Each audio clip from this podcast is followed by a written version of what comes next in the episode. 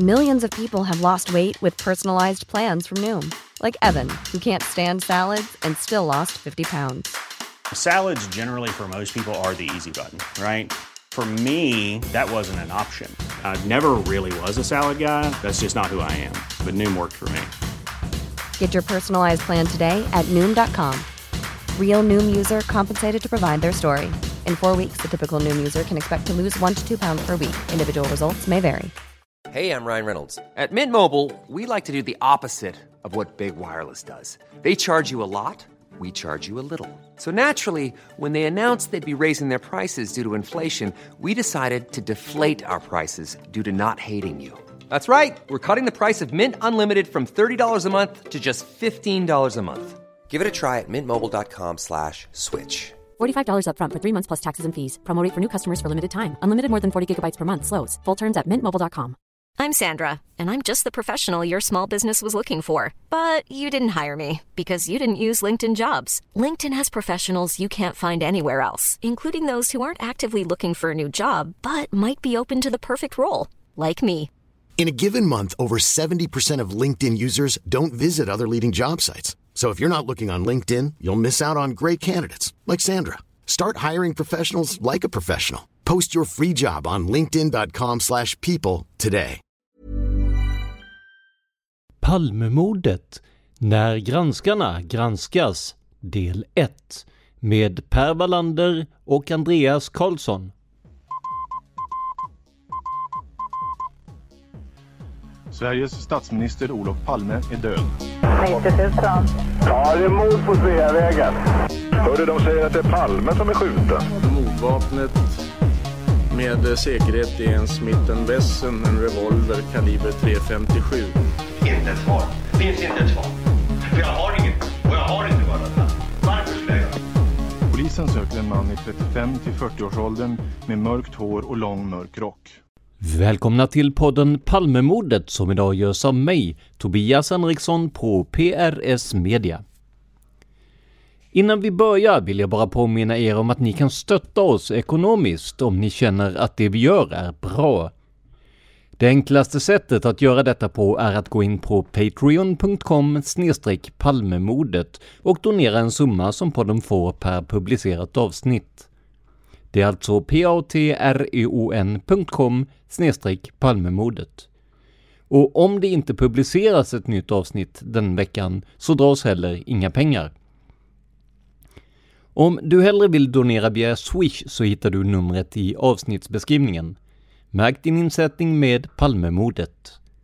Stort tack för ert stöd! Idag blir det granskande journalistik för hela slanten. För i många år har ju ett stort antal personer granskat Palmemordet, både inom ramen för utredningen och journalistiskt. Men finns det anledning att ibland ta det som de säger med en nypa salt? Och i så fall, varför? I slutet av 2021 kontaktades jag av Per Wallander och Andreas Karlsson som undrade om podden var intresserade av att ta del av en slags granskning av det vi kallar journalistiska granskare eller mediamakthavare. Då jag själv tidigare jobbat på olika redaktioner i södra Sverige fastnade jag direkt. För jag tror verkligen att så gott som alla journalister och författare i ämnet Palmemordet skriver utifrån det som de tycker är belagt och kan styrkas. Men vad händer om man ibland låter sin egen övertygelse få överhanden? Detta tror jag oftast är en omedveten handling, i alla fall från våra mer profilerade granskare, men det kan ju likväl påverka hur mottagaren, det vill säga vi som läser artiklarna eller ser reportagen, upplever att mordet gick till, eller vad som är styrkt i gåtan Palmemordet. Så i två avsnitt kommer jag, Per och Andreas att prata mediamakthavare, mest med fokus på de som oftast förekommer i debatten. Men som vanligt börjar vi med att våra gäster får presentera sig. Per Wallander heter jag som sagt var. Eh, jag har väl eh, varit intresserad av Palmemordet väldigt länge och eh, lagt ner alldeles för mycket tid på det. Så är det väl. Ehm, och eh, en av dem vi kommer prata om idag lite när vi, när vi har för avsikt att granska dem som granskar så är det ju Lars Borgnäs som fick mig intresserad av Palmemordet. Hans ehm, eh, programserier på SVT och då framförallt Polisspåret kittlade ju. Och fick, har väl gått i vågor ska jag väl säga hur intresserad man har varit men det var väl det som som så många andra tänker jag fick mig intresserad av det här. Eh, Andreas, var det samma sak för dig eller hur kom du in på det här intresset? Ja, det låter ju lite tråkigt men jag skulle nästan kunna citera egentligen där.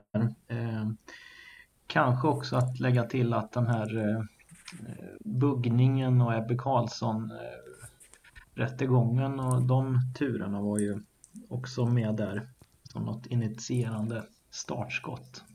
Och eh, ni tog kontakt med, med oss här och ville ja, men belysa, ja vad ville ni belysa egentligen? Vi ska titta lite på de som har, att, som i sin tur har tittat på, på Palmemordet och granskat det, eller hur? Ja, stämmer.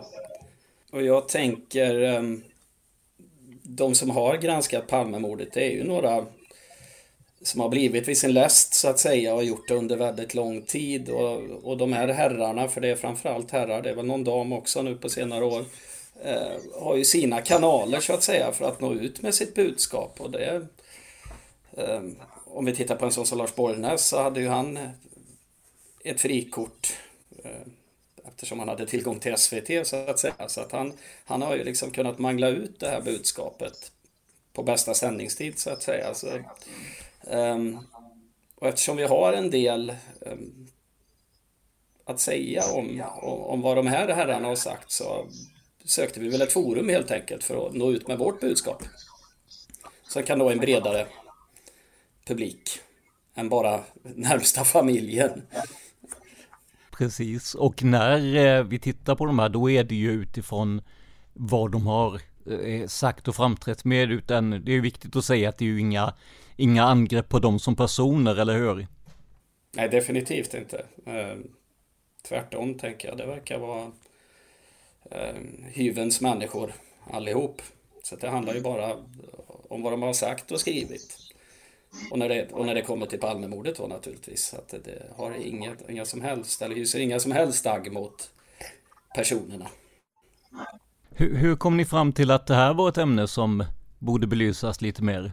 Ja, alltså det har väl kulminerat nu tänker jag sen eh, Petersson lade ner utredningen.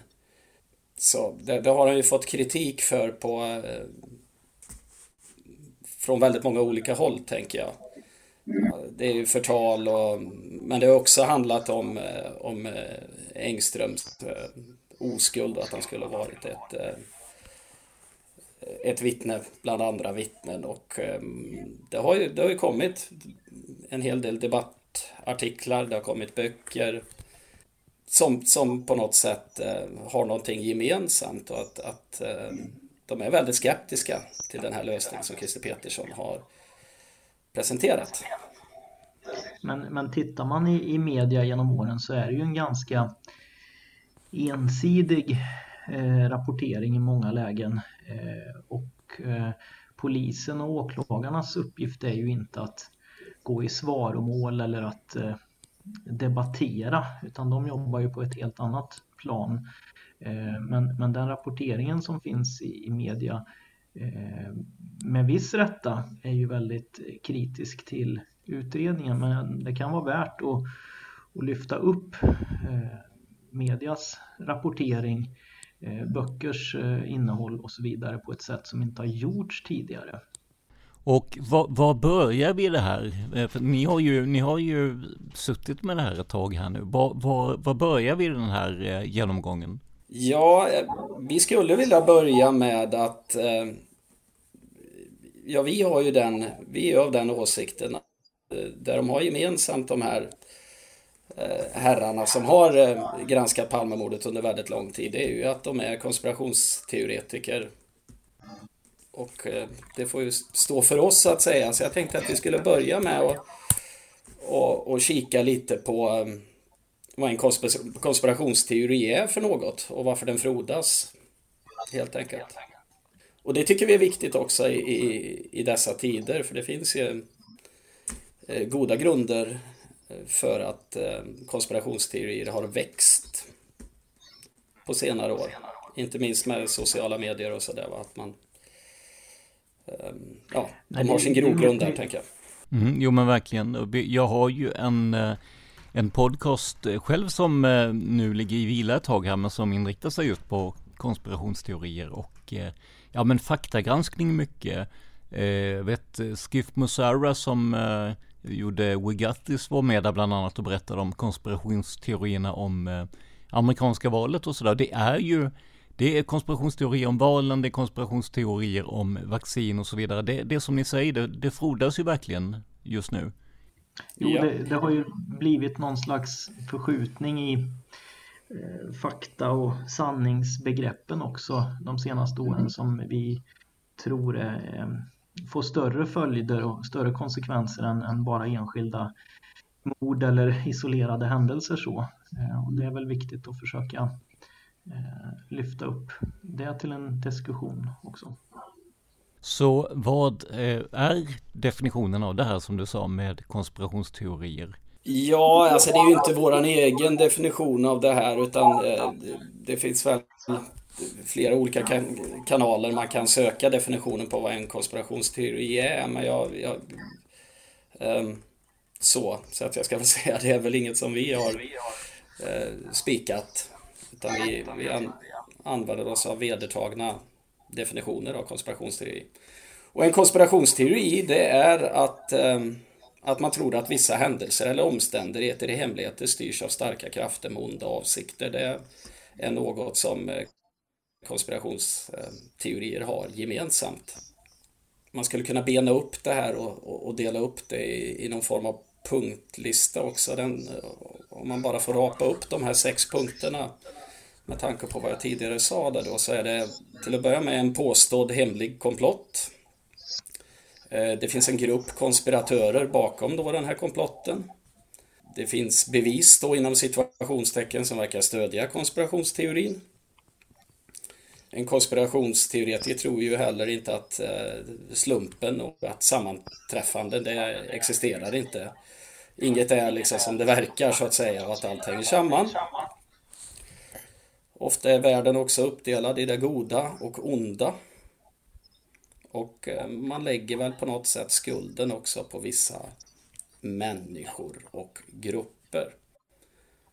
Ehm, den här definitionen, eller de definitionerna som jag just läste, de kan man ju hitta på bland annat Europeiska kommissionens hemsida om man är nyfiken på det helt enkelt och läsa mer om de här definitionerna av konspirationsteorier.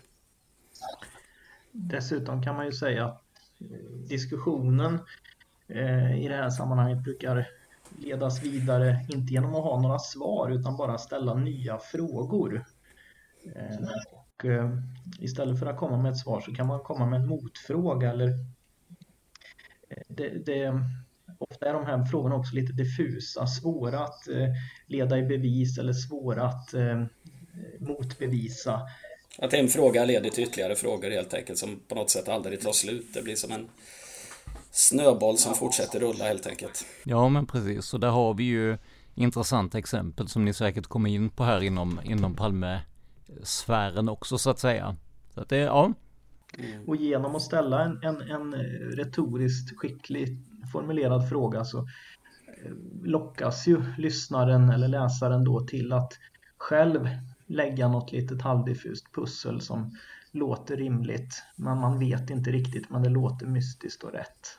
Och, och det här är någonting som vi ser i, i bland de här eh, eh debattörerna då alltså? Ja, det vill vi nog påstå. Och det starkaste. Ehm, jag tänker så här, alltså, man får ju på något sätt ha förståelse också för att konspirationsteorier eh, florerar i samband med Palmemordet naturligtvis. Att, eh, att det blev som det blev och att den havererad polisutredning, framförallt då det första året, det, det blev ju en grogrund tänker jag. Och det, det, det startar väl på något sätt med eh, polisspåret det kan man väl också ganska tydligt se att eh, de så kallade privatspanarna hade sin eh, start i polisspåret just. Att det var någonting som förenar dem. Och i någon mening så kanske det fortfarande förenar dem. Med det sagt så ska ju också en konspirationsteori ska ju motas i grind eh, omedelbart egentligen så.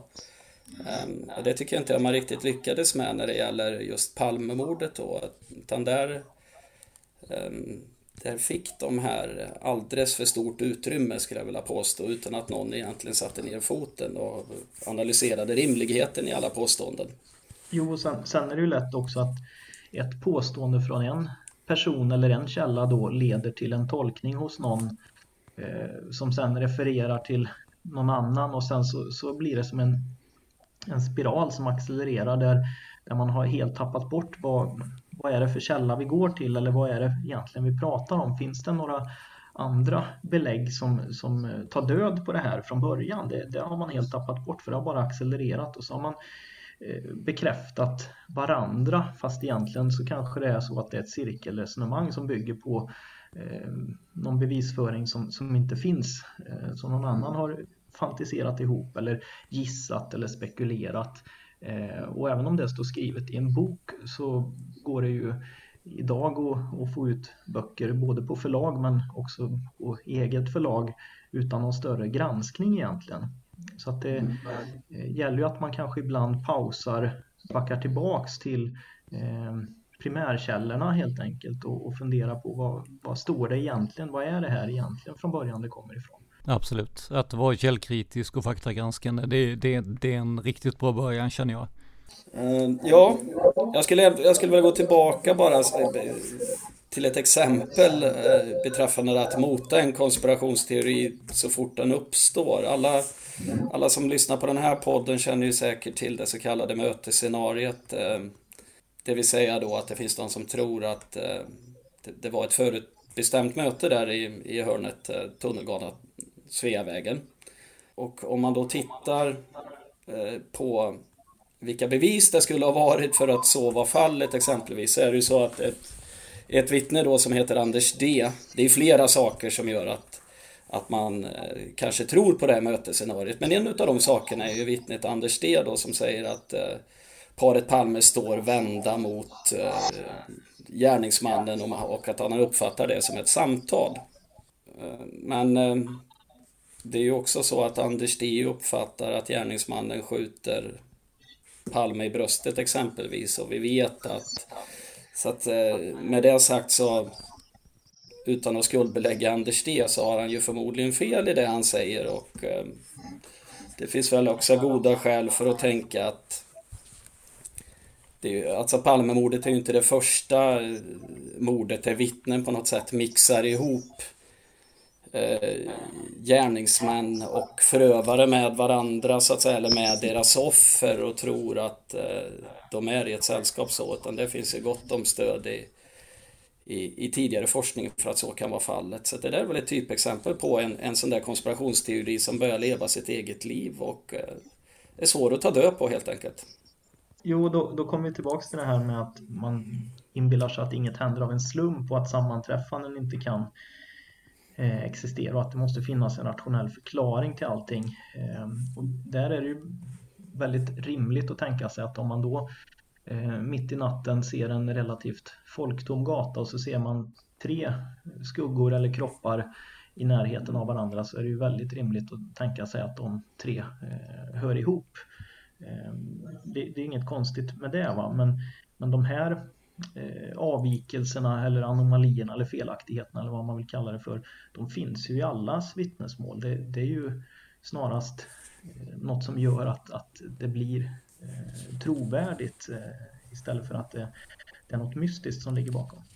Hur vill ni gå, gå vidare här så att säga? Nej men jag tänker, jag ska väl inte förekomma vad Andreas säger där, men jag tänker att vi kanske ska kasta oss in och eh, kika på granskarna helt enkelt och vad de har sagt och varför det kan definieras som eh, konspirationsteorier helt enkelt. Absolut, det låter som en jättebra idé. I vilken ände börjar vi där då? Ja, vi kan väl börja med eh, Borgnäs, SVT, Norra Magasinet, eh, kanalen på radion och så vidare.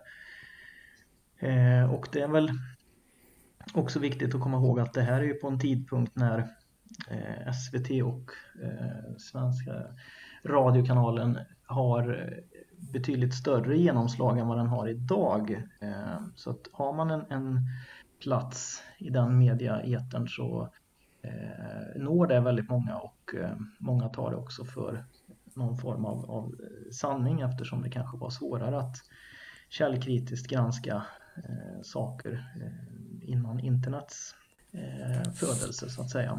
Eh, och eh, det som blir intressant där med, med eh, Borgnäs granskningar är ju att han, han eh, tar emot väldigt många olika tips och gör säkert lite egna eh, Eh, initierade aktiviteter för att få fram tips och så. Men eh, mig veterligen så finns det ingen eh, gång som han har tagit upp i någon av de här kanalerna eller i sina egna eh, texter eh, någonting som, som handlar om en ensamagerande gärningsman. Utan det har alltid varit eh, i linje då med att det är en eh, grupp, ofta i hans fall då polisen eller säkerhetspolisen, Eh, Eh, som, som ligger bakom.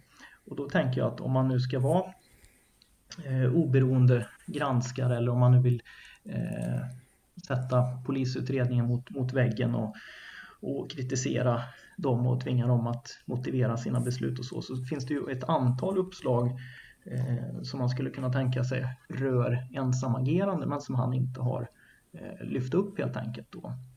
Eh, och då kanske man tycker så här, ja men han har ju fått väldigt mycket viktiga tips. Jo, fast det finns ju väldigt många perifera saker som han inte har eh, skrädit sig för att, att eh, lyfta fram. Exempelvis det här radioprogrammet mitt på, på dagen på morddagen som han, han har tagit med. Han har den här eh, armadan av polisbilar som åker över Tranebergsbron.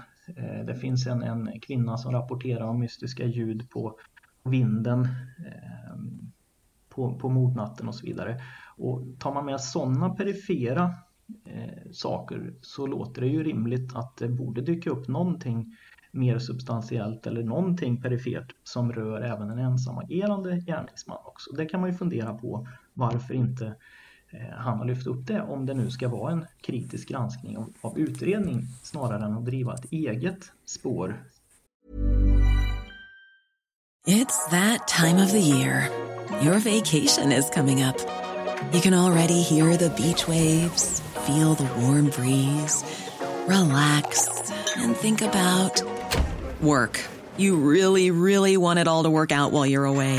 Monday.com gives you and the team that peace of mind. When all work is on one platform and everyone's in sync, things just flow wherever you are. Tap the banner to go to Monday.com. Hey, I'm Ryan Reynolds. At Mint Mobile, we like to do the opposite of what Big Wireless does. They charge you a lot, we charge you a little. So naturally, when they announced they'd be raising their prices due to inflation, we decided to deflate our prices due to not hating you. That's right. We're cutting the price of Mint Unlimited from $30 a month to just $15 a month. Give it a try at mintmobile.com slash switch. $45 upfront for three months plus taxes and fees. Promo for new customers for limited time. Unlimited more than 40 gigabytes per month. Slows. Full terms at mintmobile.com. I'm Sandra, and I'm just the professional your small business was looking for. But you didn't hire me because you didn't use LinkedIn jobs. LinkedIn has professionals you can't find anywhere else, including those who aren't actively looking for a new job but might be open to the perfect role, like me. In a given month, over 70% of LinkedIn users don't visit other leading job sites. So if you're not looking on LinkedIn, you'll miss out on great candidates like Sandra. Start hiring professionals like a professional. Post your free job on linkedin.com/people today. Vi kanske kommer till det, men vad anser ni att det beror på att man så att säga fastnar i den fåran då? Är det politik? Är det eh, att man inte så att säga, ja, att någon form av tunnelseende eller vad, vad, vad, kan det bero på att man, att man fastnar i, i fåran konspiration kontra ensam gärningsman? Ja, del, dels så finns det väl något något naturligt mänskligt i att man vill söka rationella förklaringar här i världen. Man vill ju leva i en värld som är enkel och förståelig och går att förutse. Eh, så att eh, det, det finns ju något naturligt mänskligt i det här att leta eh, rationella förklaringar och se samband och mönster mellan olika delar. så det är väl en, en faktor tänker jag. Eh, sen är det intressant att du nämner ordet eh, tunnelseende för det har ju varit lite av, av Borgnäs mantra Eh, själv när han har eh, konfronterat Ölvebro med, med flera. Eh, men, men där låter det ju onekligen som att han själv sitter med ett, ett tunnelseende som är inriktat på, på polisen och myndigheter och en organisation bakom det här egentligen.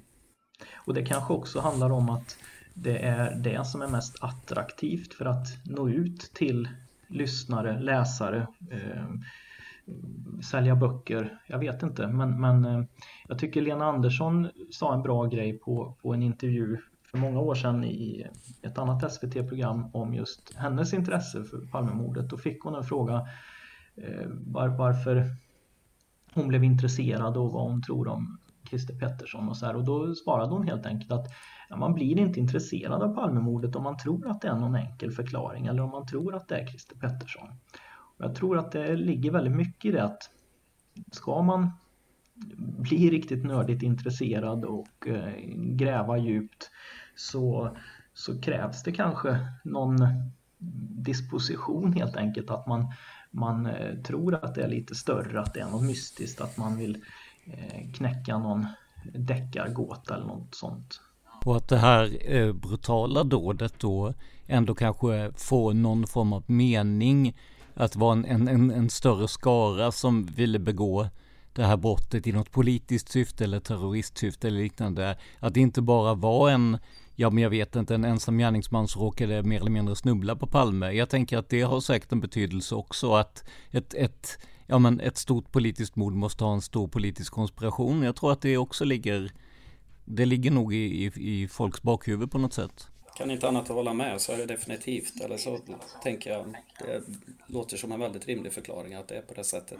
Tänker lite på det här med Lars, att han, eller Borgnäs då, att han eh, enkom fördjupar sig i att det ska vara en komplott eller en grupp människor, företrädesvis då polis eller säkerhetspolis där. Att han, man kan ju tycka faktiskt att eh, en journalist på SVT då, om man nu ska fördjupa sig i det här eh, ämnet som är ett komplext och svårt ämne, att han borde faktiskt ta upp olika perspektiv. Och läser man då definitionen på konspirationsteorier, ja då då är det ju så att det är ju troligtvis inte en konspirationsteori om man tar upp saker ur olika perspektiv.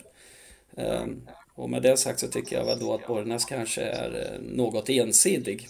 Något annat jag tänker på är att tonen ofta blir, det blir väldigt känslosamt tänker jag när man tittar på de här Norra Magasinet. Jag kan fortfarande gå tillbaka idag och titta på. Jag tycker att det är spännande att titta på som någon form av fantasi idag. Va? Det är väldigt spännande musik och väldigt laddat i, i de här programmen vilket också eh, tangerar, tänker jag, att det just är Alltså det förstärker budskapet på något sätt.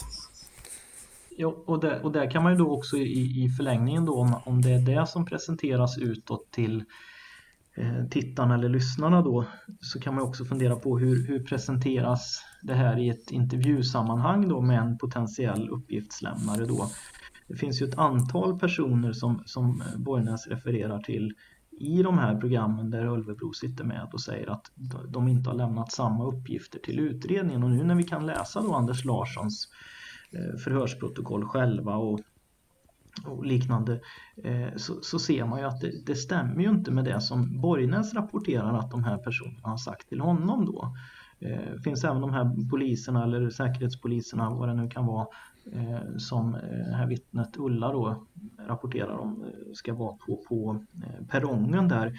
Det, där skiljer sig också uppgifterna då som Borgnäs menar att hon har rapporterat till honom om med vad, vad Ölvebro berättar om. Och samma sak med, med den här legendariska eh, Norrköpings-Jörgen då eh, som kan i någon slags eh, skuggad tv-intervju i en bil då sitta och säga saker som han ja, som han vet kommer att komma på SVT eh, men, men som han inte då tydligen kan säga till vare sig granskningskommissionen eller eh, polisutredningen då. Och där blir man ju då fundersam över hur, hur går det till när, när de här uppgifterna kommer fram då? Och ännu mer fundersam blir man ju när man också läser då eh, Lars J som ändå är ett av de absolut mest centrala vittnena som finns i den här utredningen. När man läser hans eh, senaste och sista eh, förhör då från eh, maj 2019 där, där han berättar då om att han ibland träffar och så är det ju förvisso maskat då men, men det är ju inte en alltför vågad gissning att det ska stå journalisten Lars B eller något liknande under där eh, då eftersom man förstår av sammanhanget då när det, när det fortsätter med att han framför olika teorier och frågar eh, Lars J om vad han anser om de här och att det då ska vara två stycken varav en är mördaren som har gömt sig vid eller i byggbarackerna och att det är eh, Skandiamannen då som fortsätter att springa upp för trapporna. Eh, och, och, och det, i den, jag uppmanar verkligen alla att gå in och läsa Lars J's egna Eh, förhörsprotokollen förhörsprotokoll för att, för att se att det verkligen inte är något hittepå där. Men i den passagen då så, så säger ju också Lars J, även om det inte är transkriberat, så får man väl anta att det är hyfsat sammanfattat av eh, förhörsledarna då, eh, så, så säger ju Lars J att han inte själv har fastnat för det här. Men att han försöker vara trogen det han själv minns och kommer ihåg. Va? Och sen Eh, ett år senare då så, så kommer ett brev från Lars J till utredningen. Och då, då blir man ju fundersam. Är det här då Lars J som själv har, trots att han året innan eh, hävdat att han inte har fastnat för det här med att, att mördaren skulle eventuellt ha, ha smittit vänster då på Luntmakargatan. Ska han själv då skriva ett brev? Och, och varför skriver han brev när, när han har haft så mycket muntliga kontakter med utredningen genom åren? Vore det inte naturligt då att ringa upp och säga att jag vill göra ett kompletterande förhör här? Eh, för han vet ju hur, hur den delen funkar liksom. Han har ju aldrig haft någon brevledes kontakt med utredningen tidigare. Så det, det, luktar ju osa katt här, eh, måste jag ju ändå säga. Och det tror jag att man, eh, man själv upplever om man går in och läser det som står i Lars Is förhör där. Ja, framförallt kan man ju fråga sig också det vi inte vet så att säga, de, de källorna som Borgnäs har använt sig av tidigare, gick det till på liknande sätt så är det ju djupt beklagligt. Eh, nu ska vi inte anklaga Lars Borgnäs för det, för det vet vi inte, men eh, det ändå jag skulle vilja trycka på återigen en gång till, det är ju att, att Borgnäs måste ju på något sätt ändå varit en tipsmagnet på 90-talet. Eh, han måste ha fått eh, enormt mycket tips, tänker jag. Eh, det tyder väl också på de program man har gjort. Men det är ju oerhört märkligt att inte ett, ett enda av de här tipsen har handlat om en ensam agerande gärningsman. Eh, det borde de ha gjort och eh, har de gjort det så borde Lars också ha fört fram det i SVT tänker jag. Nu är ju inte, det kommer låta som public service här nu, men nu är ju inte de här personerna här och kan så att säga berätta sin version. Men däremot så kommer vi bjuda in de som vi har möjlighet till eh, som berörs idag.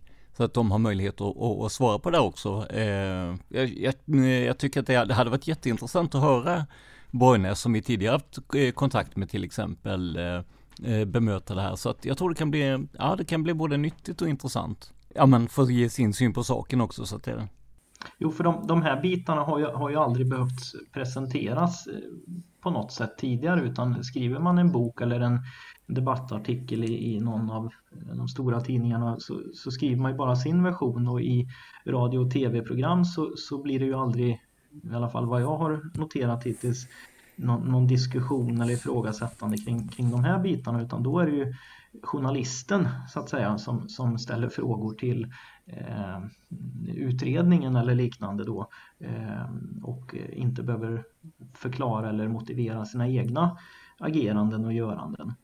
För just när det, när det gäller de här klassiska Norra Magasinet korta klippen där så är det ju en, en riktig pyttipanna av massvis med små eh, uppslag eller detaljer eller vad det nu kan vara som, som eh, är svåra att få ihop i någon helhet. Och det tror jag inte att eh, Borgnäs heller har, har tänkt sig. Men, men då behöver han ju kanske också belysa att ja, den här kanske var ett blindspår eller det här blev inget särskilt med det. Men det har han ju aldrig heller gjort, vilket inte direkt styrker trovärdigheten. Man måste ju kunna säga att okej, okay, jag hade den här idén eller föreställningen eh, vid en tidpunkt. Den finns det nu väldigt mycket belägg mot istället, så, så då släpper jag den. Men så har det ju inte framkommit, utan det, det är ju i många fall samma eh, saker som, som eh, återvinns. Eh, ibland i ny paketering, ibland i gammal förpackning. Eh, och inte minst så återvinns ju många av de här eh, anekdoterna och, eh, och isolerade händelserna eh, av, av andra eh, på nätet eller i andra böcker eller i andra skrifter och så hänvisar man till, till någon sån här grej som någon slags eh, primärkälla då som gör att min egen argumentation eller min egen fantasifulla berättelse blir då vidimerad. Ja, precis. På tal då om att man ska eh, mota konspirations, eller konspirationsteorier i grind redan från början så att säga. Alltså, de, lever ju verkligen sitt eget liv och återanvänds som Andreas säger. Sen tänker jag lite på det här också att, att, att Lars Borgnäs är ju onekligen eh, journalist Ehm, och ibland är det väl svårt att veta, när, tycker jag, när han är journalist och när han eh, har liksom tagit på sig ett uppdrag att faktiskt försöka lösa mordet. Men eh, eh, nu är väl Lars pensionär sedan länge, men han har ju faktiskt gett sig på att försöka lösa mordet också i efterhand, tänker jag, i sina böcker. Och hans senaste alster här så påstår han ju faktiskt att han bevisar en del av sina teser, tänker jag. Jo, till, till exempel då så, så hävdar han, apropå det här med Lars I då, att han, eh, Lars I inte står så att han kan se Lundmakargatan norrut. Men tittar man då tillbaks till ett av de första förhören med, med Lars I, eh, jag tror att det är från 4 april om jag minns rätt, så, så säger ju Lars I att han faktiskt går ut mitt i själva korsningen. Så att det, det är ju lätt då med, med tidens tand här och, och förvanska och glömma saker som, som finns med från början för att det ska passa in i ens egen eh, teori eller fantasi eller vad man nu vill kalla det för. Och då kan ju någon tycka sådär att ja men vad, vad gör det för, för skada då om det, det lanseras massa olika eh, idéer och, och, och förslag och sådär. Ja, Eh, uppenbarligen har ju utredningen drunknat i tips och eh, blivit ålagda att både medverka i, i media och göra utredningsåtgärder som i efterhand visar sig vara helt i onödan. Och jag säger inte att det, det på något sätt förklarar eller försvarar en, en i andra avseenden eh, undermåligt genomförd utredning men det blir inte lättare för att de tvingas åka upp till Upplands Väsby eh, ett antal extra gånger för att, för att göra förhör på, på ett gym eh, eller vad det nu kan vara för någonting. Va? Och det ser man ju också när man tittar i, i de här eh, protokollen från eh, Palmerummet och man tittar i, i tidningsartiklar och så här eh, Eh, så ser man ju också att de är väldigt reaktiva och det, det märks ju även i, i nutid en del protokollförda aktiviteter som är väldigt reaktiva utifrån vad som rapporteras i media och lyfts fram. Så det är inte alltid det är utredningen själva som eh, sitter i förarsätet utan de tvingas antingen av folk högre upp eller eh, av sitt eget samvete att genomföra aktiviteter på grund av ja, mer eller mindre toktips. Att då blir de här Ja, eller i det här fallet då Lars Borgnäs en slags, vad ska vi säga, är man mer av en debattör än en journalist? Kan vi ju se det så då eller? Att han eh, för fram en egen teori eller en inriktning mer än att kanske då göra en, ja men en allsidig granskning. Är det det, är det, det förstår jag rätt då? Ja, alltså det är, det är väl svårt att veta vad eh, Lars Borgnäs hade för motiv här och det kanske man inte behöver veta. Vi kan väl bara konstatera eh, vad som skedde på grund av att eh, Borgnäs förde fram de här uppgifterna mer än kanske peka på vad det är för, för motiv han har. Vem, vem står på tur här av våra, våra granskare så att säga? Ja, jag tänker väl att eh, det, man, man kommer ju Gunnar Wall när man pratar om Palmemordet naturligtvis. Så ehm, med det sagt så tycker jag vi ska uppehålla oss lite vid Gunnar Wall och vad han har sagt och säger. Nej, men alltså när jag tänker på Gunnar Wall och när jag på något sätt ska sammanfatta hans analyser av Palmemordet, då tänker jag ju på det här med motiv. Ehm, Gunnar Wall är på något sätt eh, de svulstiga motivbildernas mästare. Och han, gör det, han gör det väldigt skickligt tänker jag när han beskriver omvärlden och förhållanden under kalla kriget och så vidare. Ehm, men ehm, han har ju påtagligen svårt att få ner de där eh, omvärldsanalysen ner till Sveavägen, Tunnelgatan. Dit kommer han aldrig riktigt. Och ehm, när jag tänker på Gunnar Wall också så tänker jag väl på att han att det blir en, en smula politiskt också. Får ju inte glömma att Gunnar Wall har ju varit eh, skriver fortfarande för Internationalen tror jag, men han har väl varit chefredaktör för Internationalen. En eh, revolutionär tidning på den yttersta vänsterkanten och det, det färgar ju hans eh, texter. Det, det, lyser igenom i hans texter och i hans böcker att han eh, har Eh, de politiska åsikterna, vilket jag har all... Eh, eh, han får ha vilka politiska åsikter han vill. Liksom. Jag respekterar det. Men det, det, det färgar också hans analyser. Om vi stannar där två sekunder bara. På, på vilket sätt tycker du eller ni att, att hans politiska övertygelse färgar det han skriver? På vilket sätt märker man det, det man läser eller eh, ja, hör av honom? Ja, om man tittar på det som Gunnar har skrivit så är det eh, vid ett flertal tillfällen så, är så utgår han ju från att USA är den här onda makten och det Eh, det är oavsett om det handlar om eh, 9-11 eller om det handlar om andra världskriget eller om det handlar om Palmemordet så, så återkommer man ju till att det, är, att det är USA som styr världen likt marionettdockor.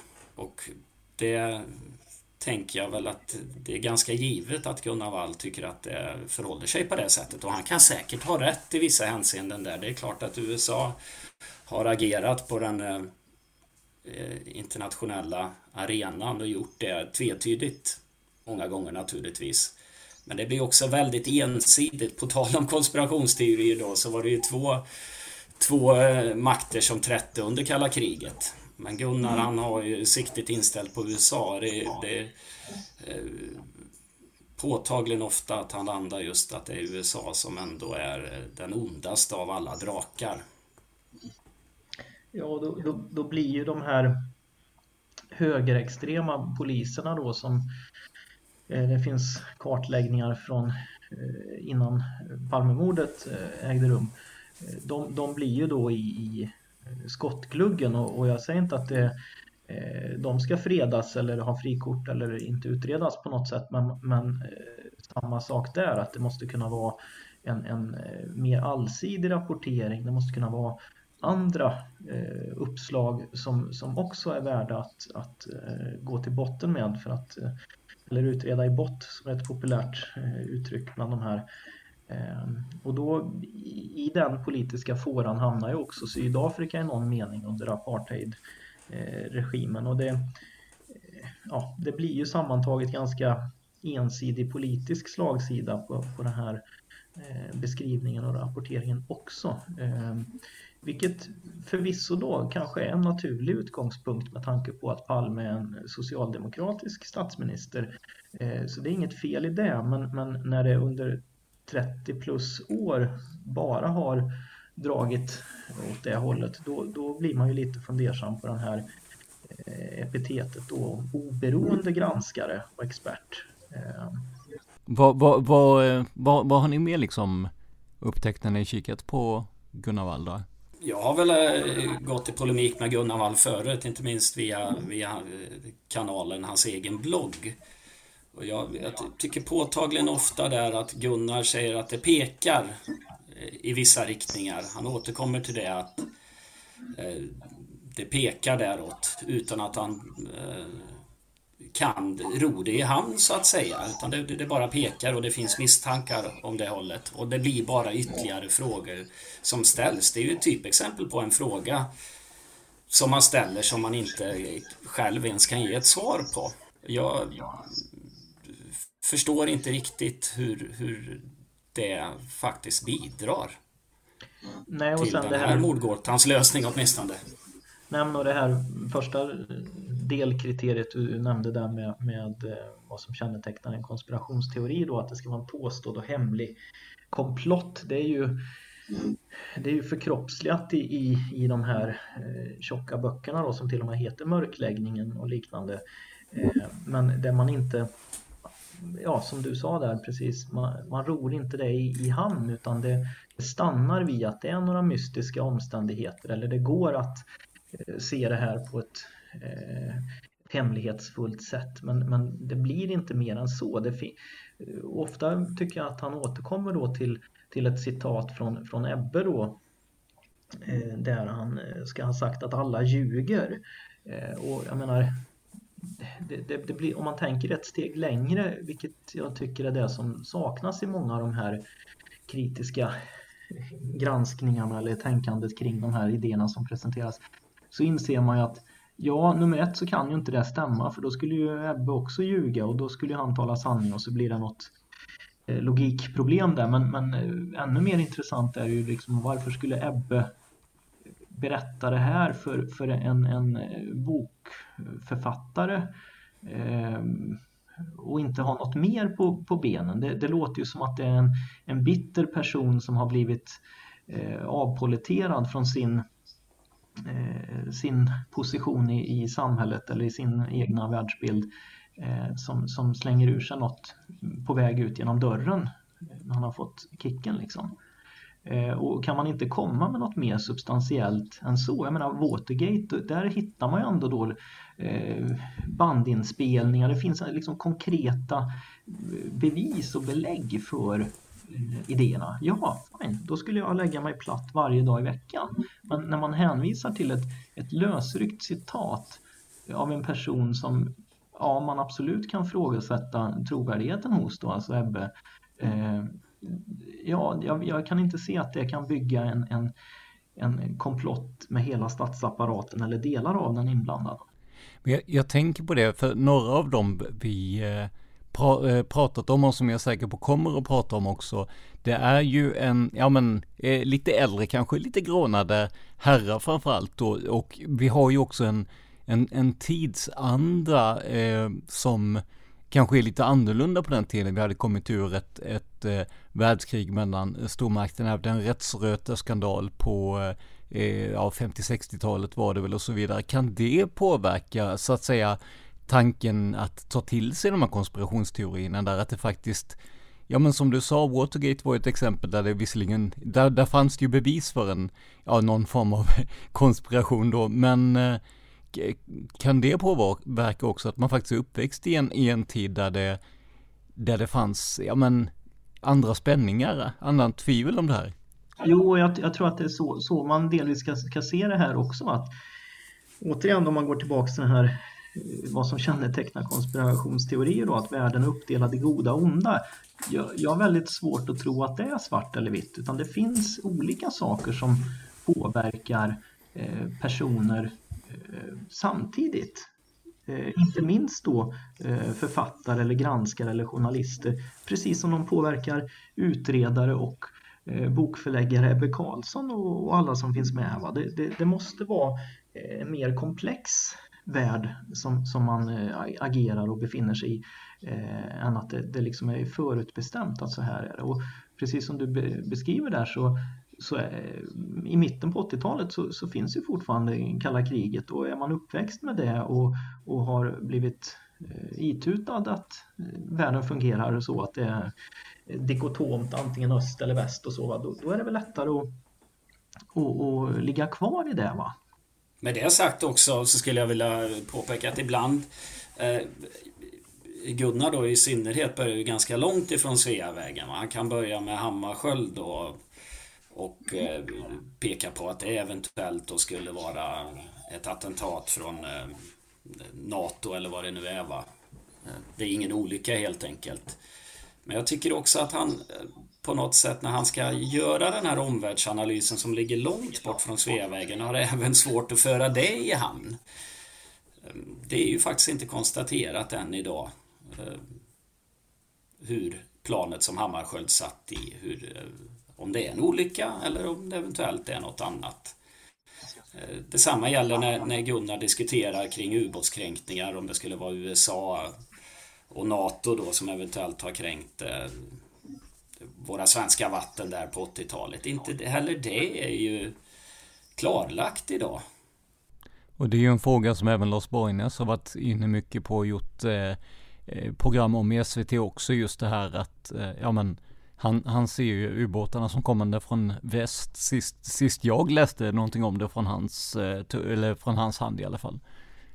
Ja, det, det är ju ja. samma där då, att då, då, får man ju någon form av, ja, i, i rätt sammanhang kanske det kallas för karaktärsvittnen, men då, då, får man ju någon form av indikation.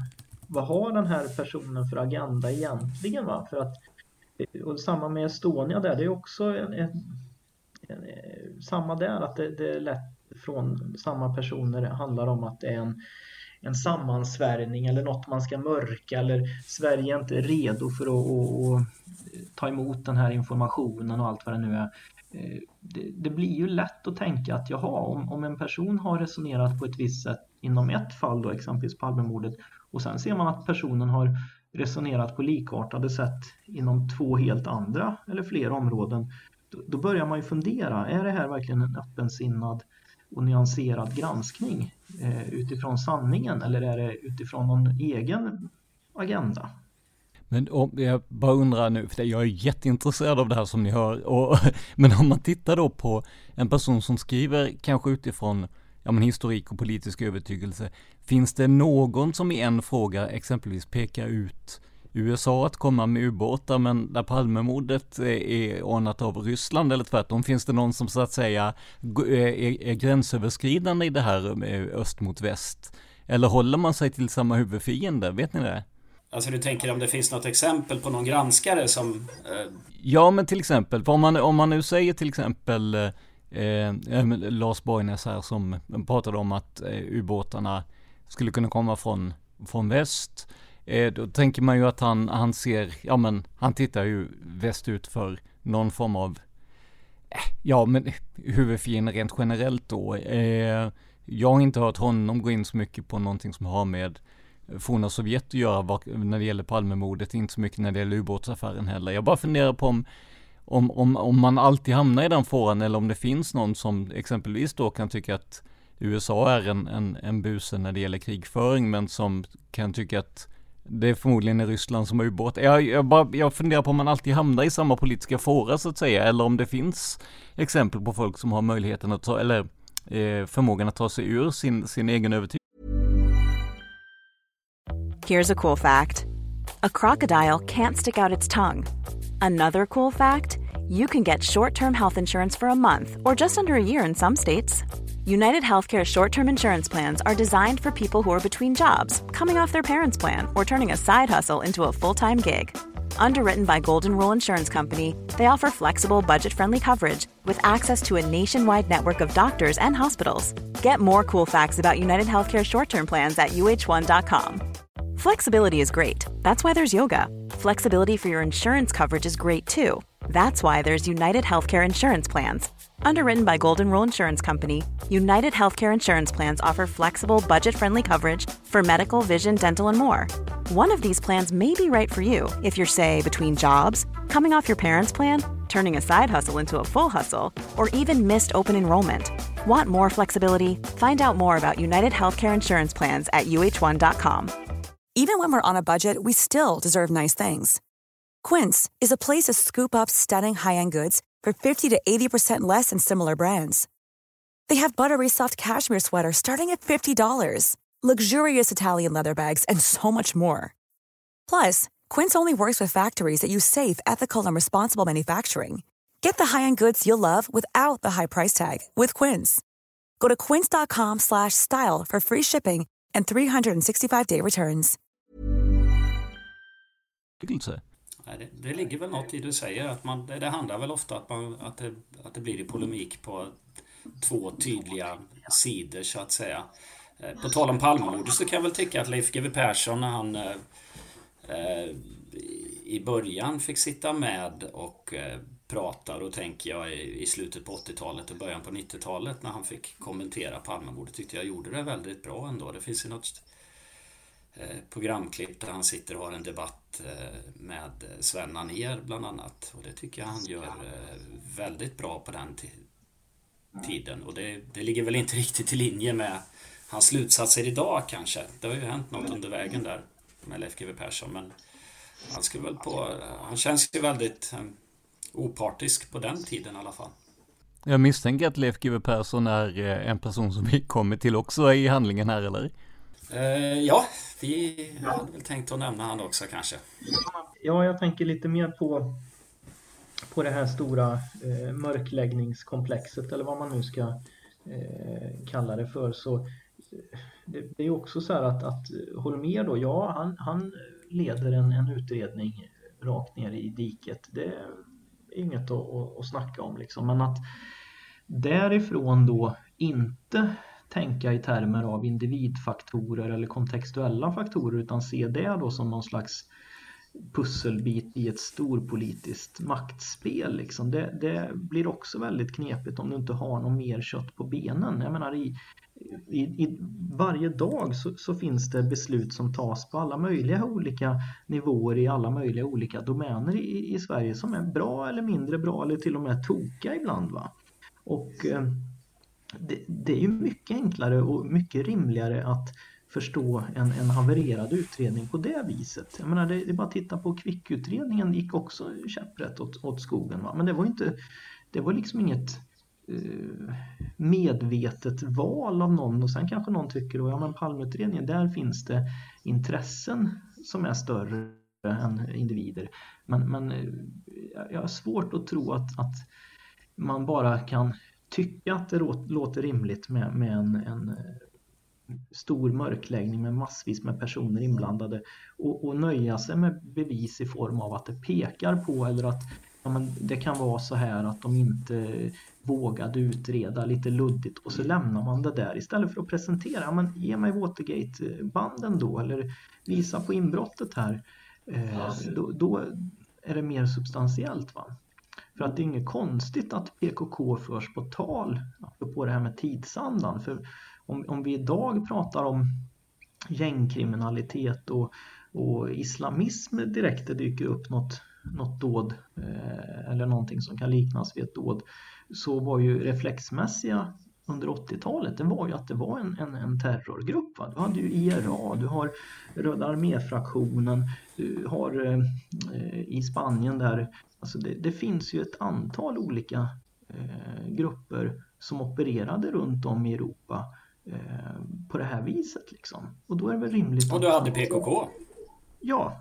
Så tror ju jag också att det är, om vi pratar om en av världens eh, största mordutredningar som mordet på Olof Palme var innan den lades ner, så tror jag också att det blir ganska skakande för gemene, gemene man att tänka sig att den som sitter överst den här utredningen alltså är så ja men i alla fall i, i de enskilda besluten inkompetent att det här kunde gå åt skogen.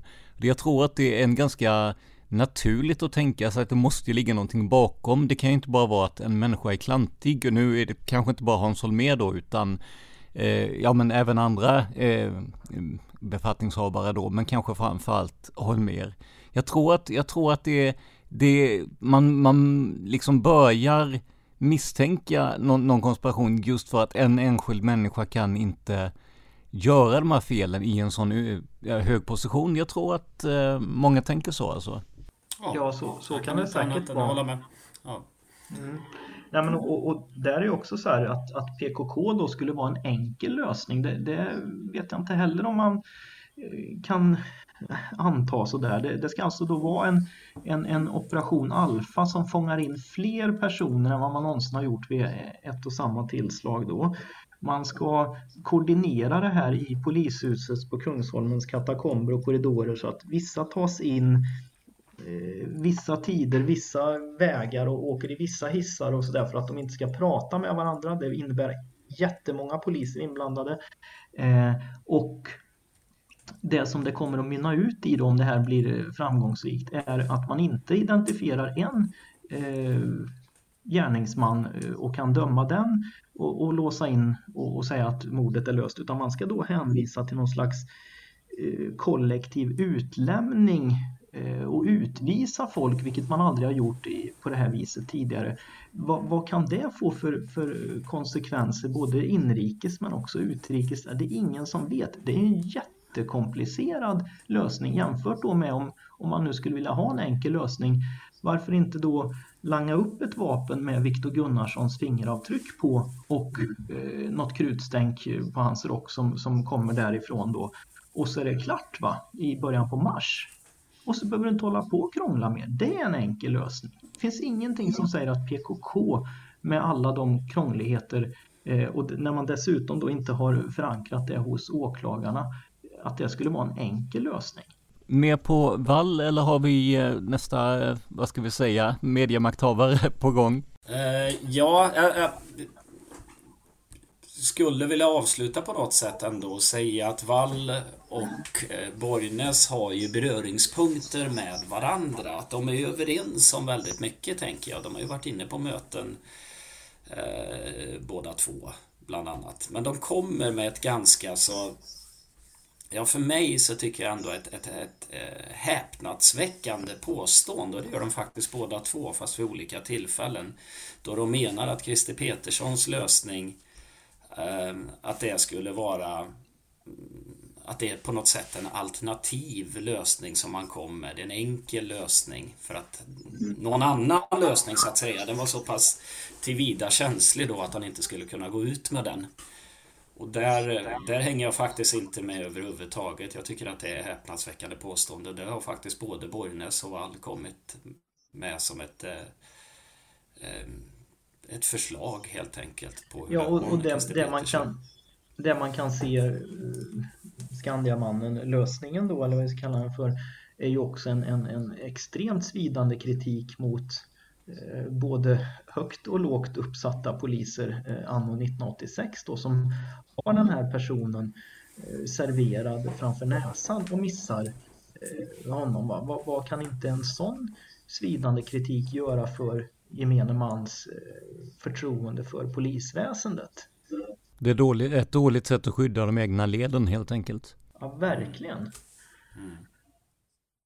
Där sätter vi punkt för det första av två avsnitt om mediemakthavare när det gäller ämnet Palmemordet. Och jag vill poängtera att den kritik som framkommer mot författare eller journalister i de här programmen alltså inte gäller dem som person, utan bara hur de jobbat med Palmemordet. Vad tycker du om dagens avsnitt? Maila gärna dina synpunkter till podden palmemordet gmail.com Alltså podden Palmemordet i ett ord gmail.com. Eller kommentera i tråden för det här avsnittet i Facebookgruppen Studio Palmemordet. Till sist en påminnelse om att du hemskt gärna får sponsra oss om du tycker att vi gör ett bra arbete. Du kan läsa om alla sätten du kan sponsra på i avsnittsbeskrivningen. Det här var veckans avsnitt av podden Palmemordet som idag gjordes av mig, Tobias Henriksson på PRS Media. För mer information om mig och mina projekt besök facebook.com prsmedia.se eller gilla oss på Instagram där vi heter PRS Media. Ett ord, små bokstäver. Stort tack till Per och Andreas för allt jobb de har lagt ner på den här granskningen. Men framförallt Stort tack för att du lyssnar på podden Palmemordet. Man hittar Palmes mördare om man följer PKK-spåret till botten.